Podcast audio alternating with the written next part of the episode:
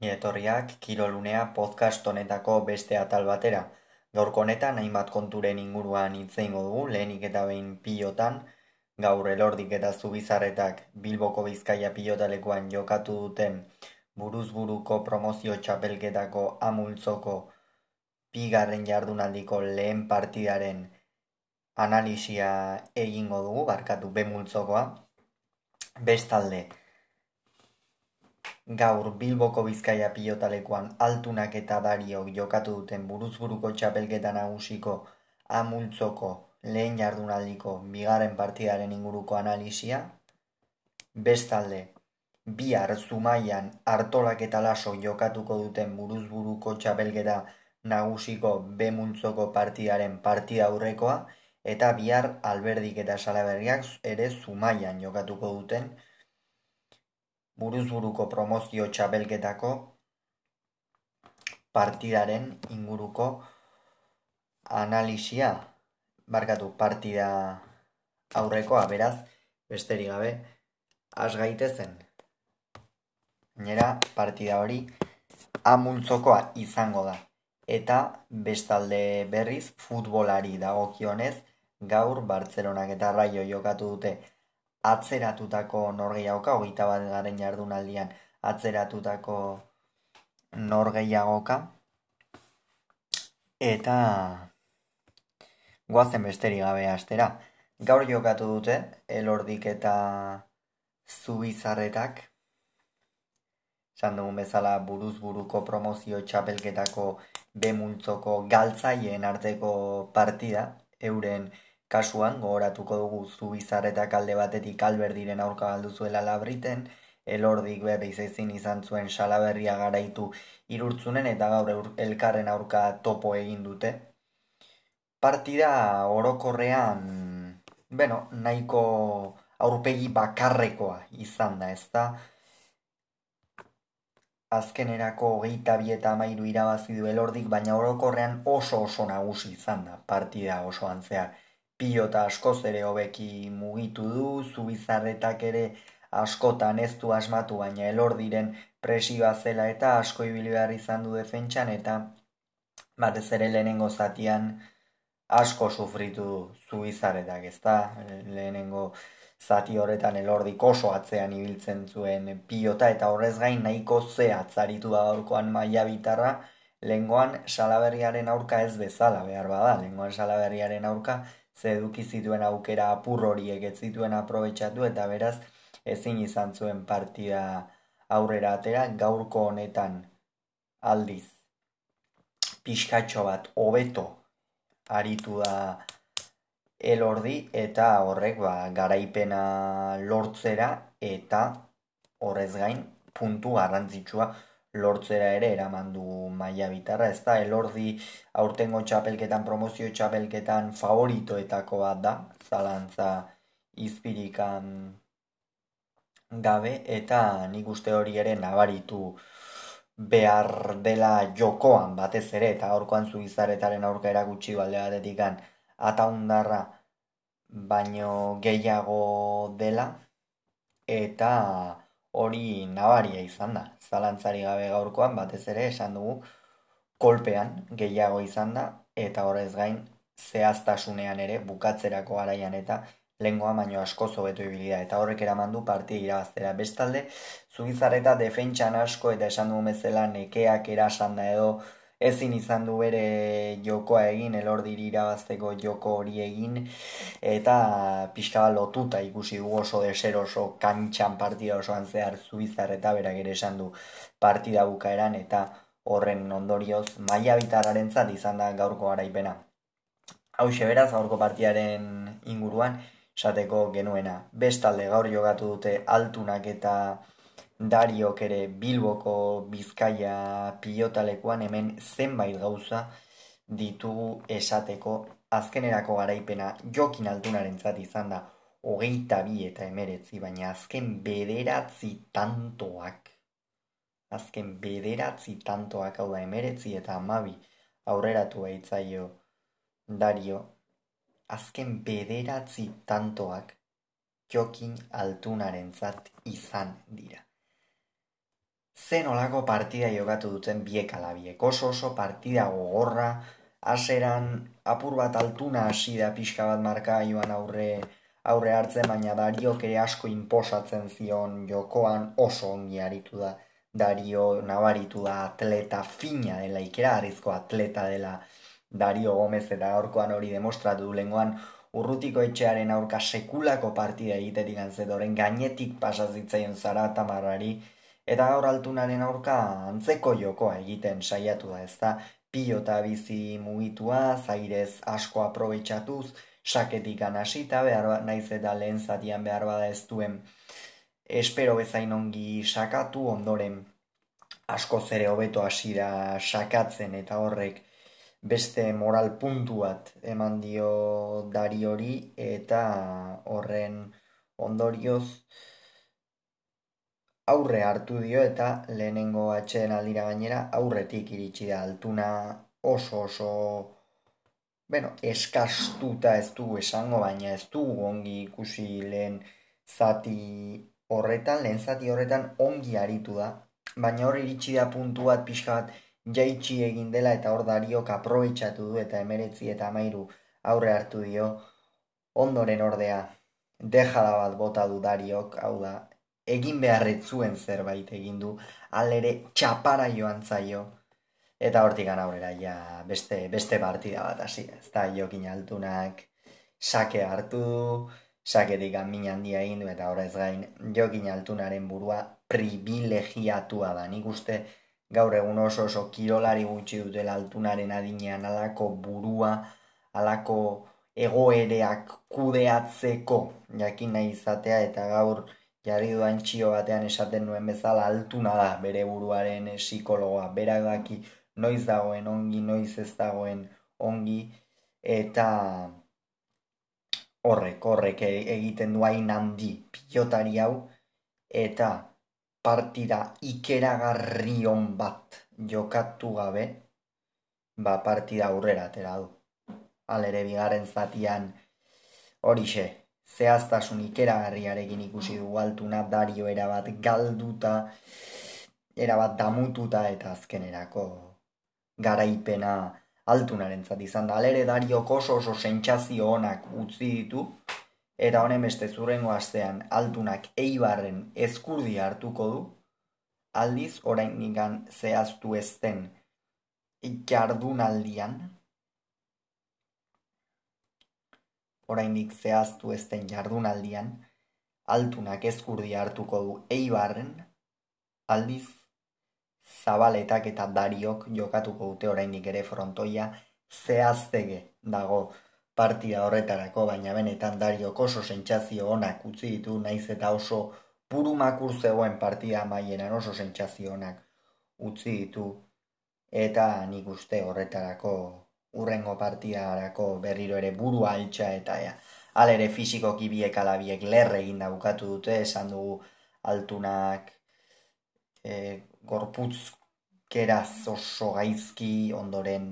eskuetatik ere ikusiko dugu dariok ere kolpe txar ugari hartu ditu eta ikusiko dugu nola iristen diren urrengo asteko partidara. Bestalde esan behar dugu, hiruaren partida bat ere izan dela, bertan arteaga eta aretsabaleta eta bakaiko eta elizei izan dira, garaipena bakaiko eta elizei irentzat izan da, emez hortzi eta zazpi. Eta horrengo zen bihar zumaian jokatuko den partiden inguruan hitz egitera, lehenik eta behin Artola eta Lasoren arteko partida aurrekoa egingo dugu. Artola eta Laso, beno, Laso ez, ez da tor nik uste unerik gozoenean, lengoan peinaren aurka bai partida aurrera atera zuen, baina ez zituen sentsazio oso onak ere utzi bi harrinak Artola ikusiko dugu, bi, bi harrinak Artolaren aurka ikusiko dugu, inaki Artolaren abeti, Ba, beno, galdera ikurua da, ez da partida bakoitza, inaki hartolaren partida bakoitza, galdera ikurua da, zer egingo du? Ez, zer gertatuko da inaki hartolarekin, bihar nola ote dago inaki hartola? Beno, ba, alde horretatikan partida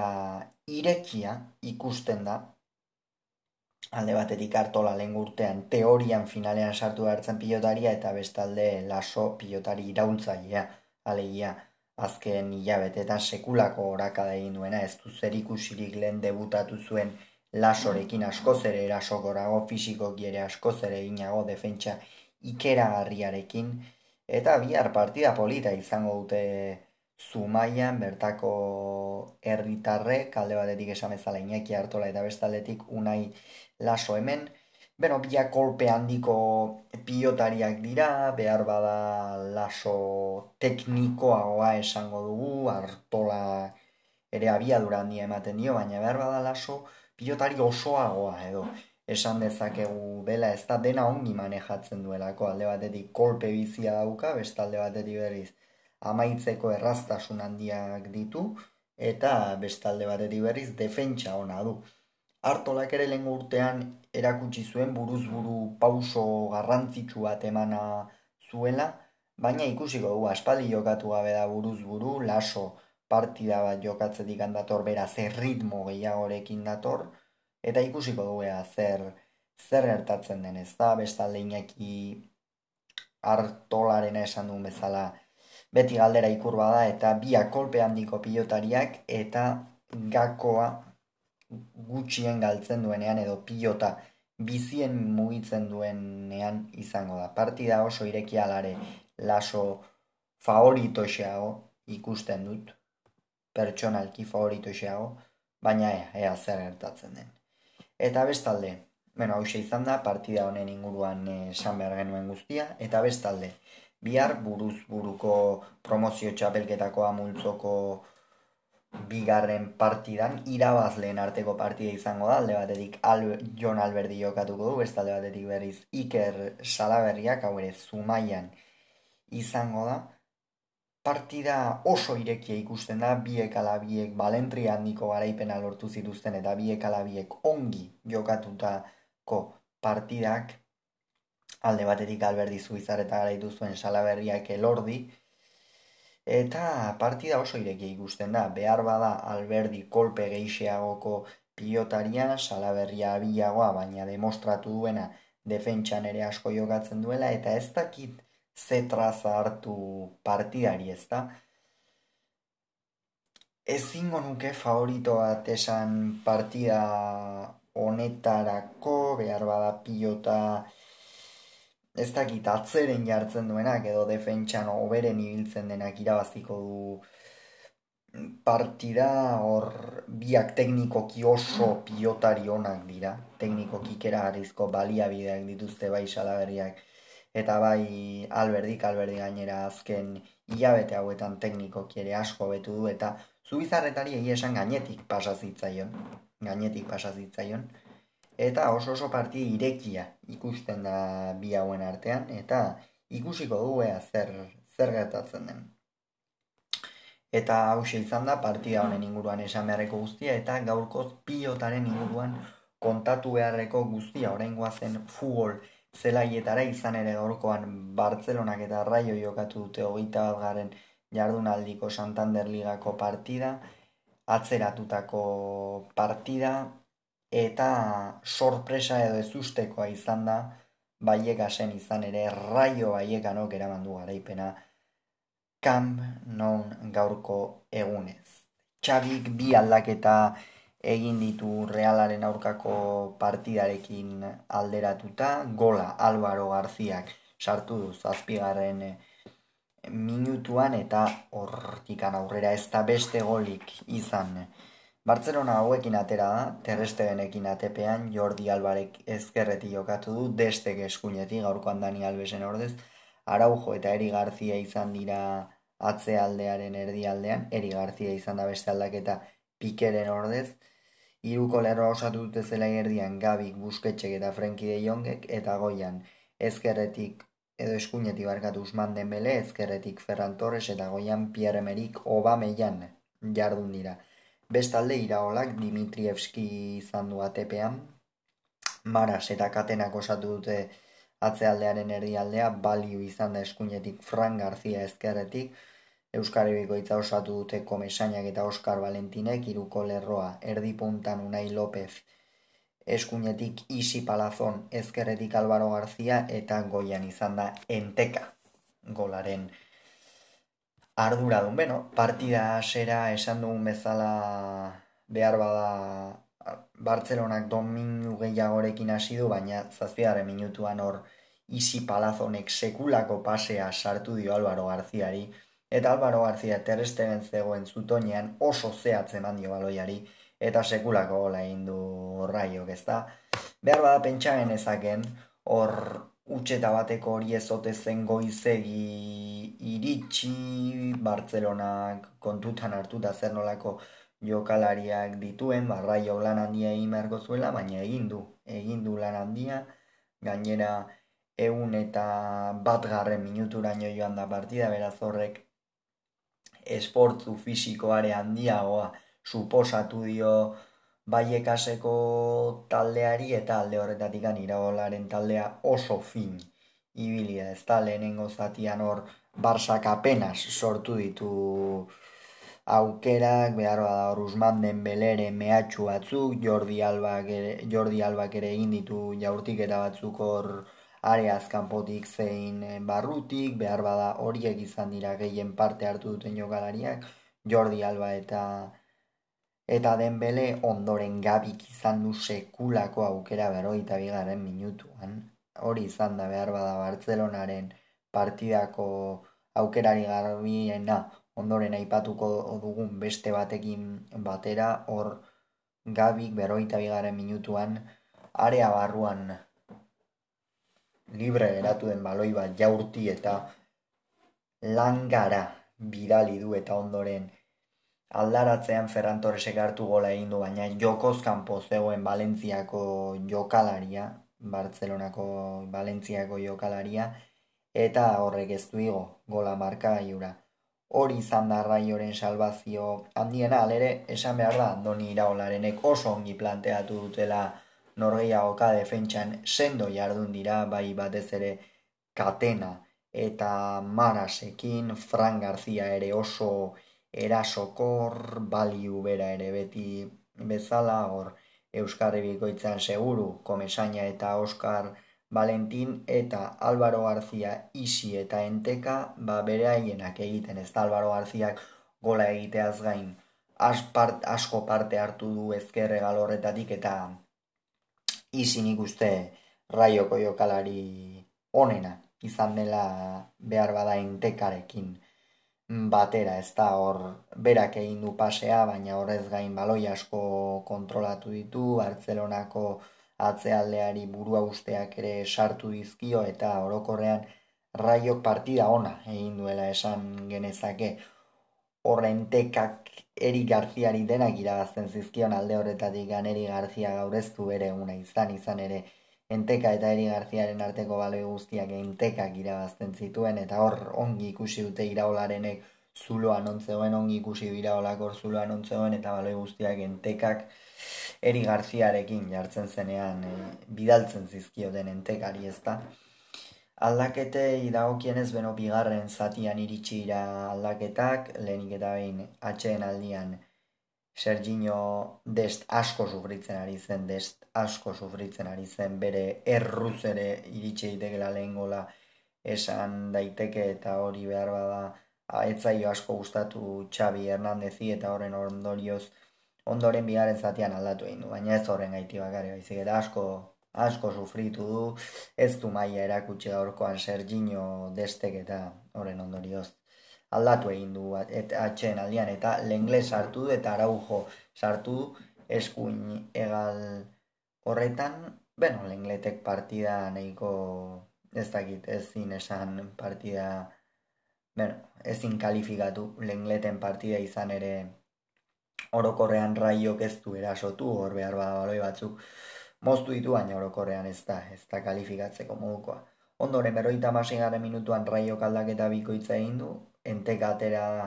aulkira eta Sergi Guardiola zelai barura, bueno, Sergi Guardiola badakigu goleatzaia dela, baina horrez gain jokoan ere asko parte hartzen du alereia da,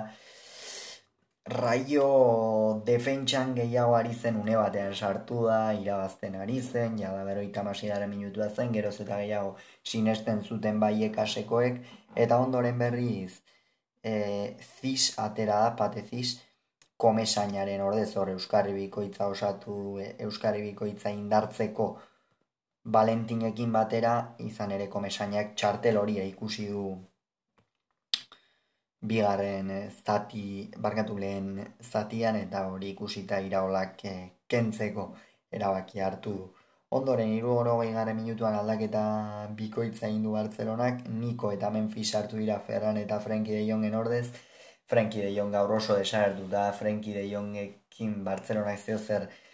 planteatu behar du lengoan realaren aurka etzen hain parte hartzai ibili gaur erabat. Desagertu da ibili da raioren aurka ez dio ezer eman Bartzelonaren jokoari ez du ezer elaboratu jokoan. Eta benetan gaur Frenkie de Jongen partida oso oso mm, ez dakit nola esan. Tamalgarria edo esango du ez da Eta ondoren berriz Niko, ba, Nikok, bueno, ez du, ez du aparteko partidari ganegin, ez du jokoan ba, asko parte hartu nik uste behar bada Frenkie de atxeena eman eta etzen bat ere erosoari eta, bueno, Niko atera du, baina Niko ere ez du hori konpondu. Eta Memphisek ez da ere, eta hemen, hemen ere nik uste Memphisek kritika bat merezi duela izan ere, bueno, bera fitxatu zuten hasieran Bartzelonako izar moduan, baina orokorrean ez da Bartzelonari eman behar zaiona ematen ari, ez da ordezko moduan ateratzen denean ere, ez du, ez da barruran joaten bere postuan ere ez dago.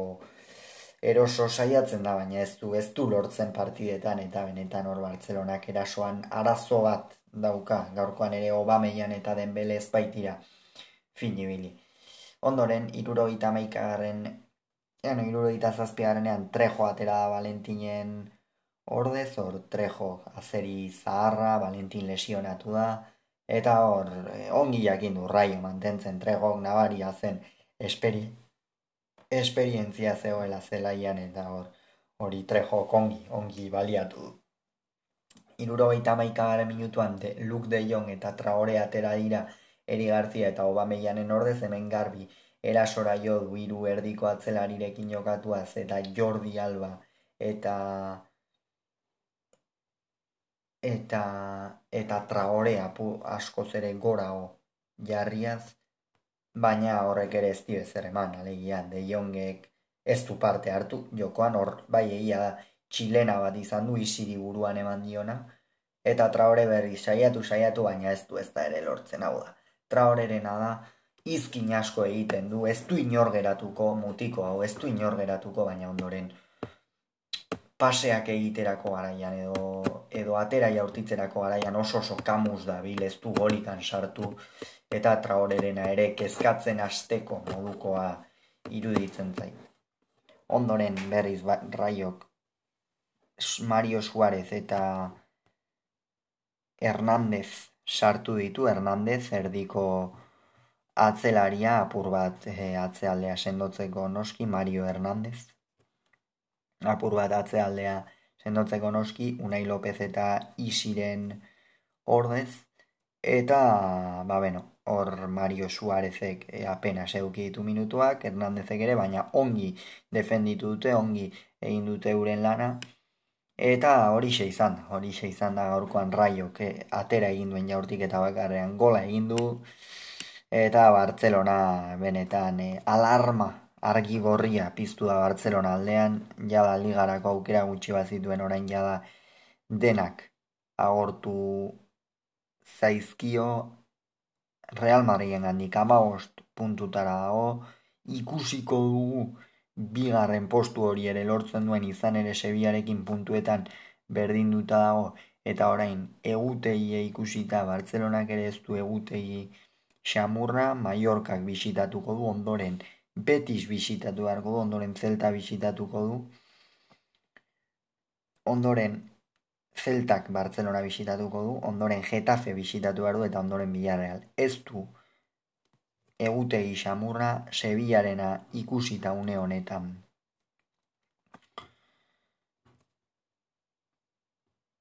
Kadizek bisitatu behar du pizguan, beno behar bada Sevillak egutegi zailagoa dauka,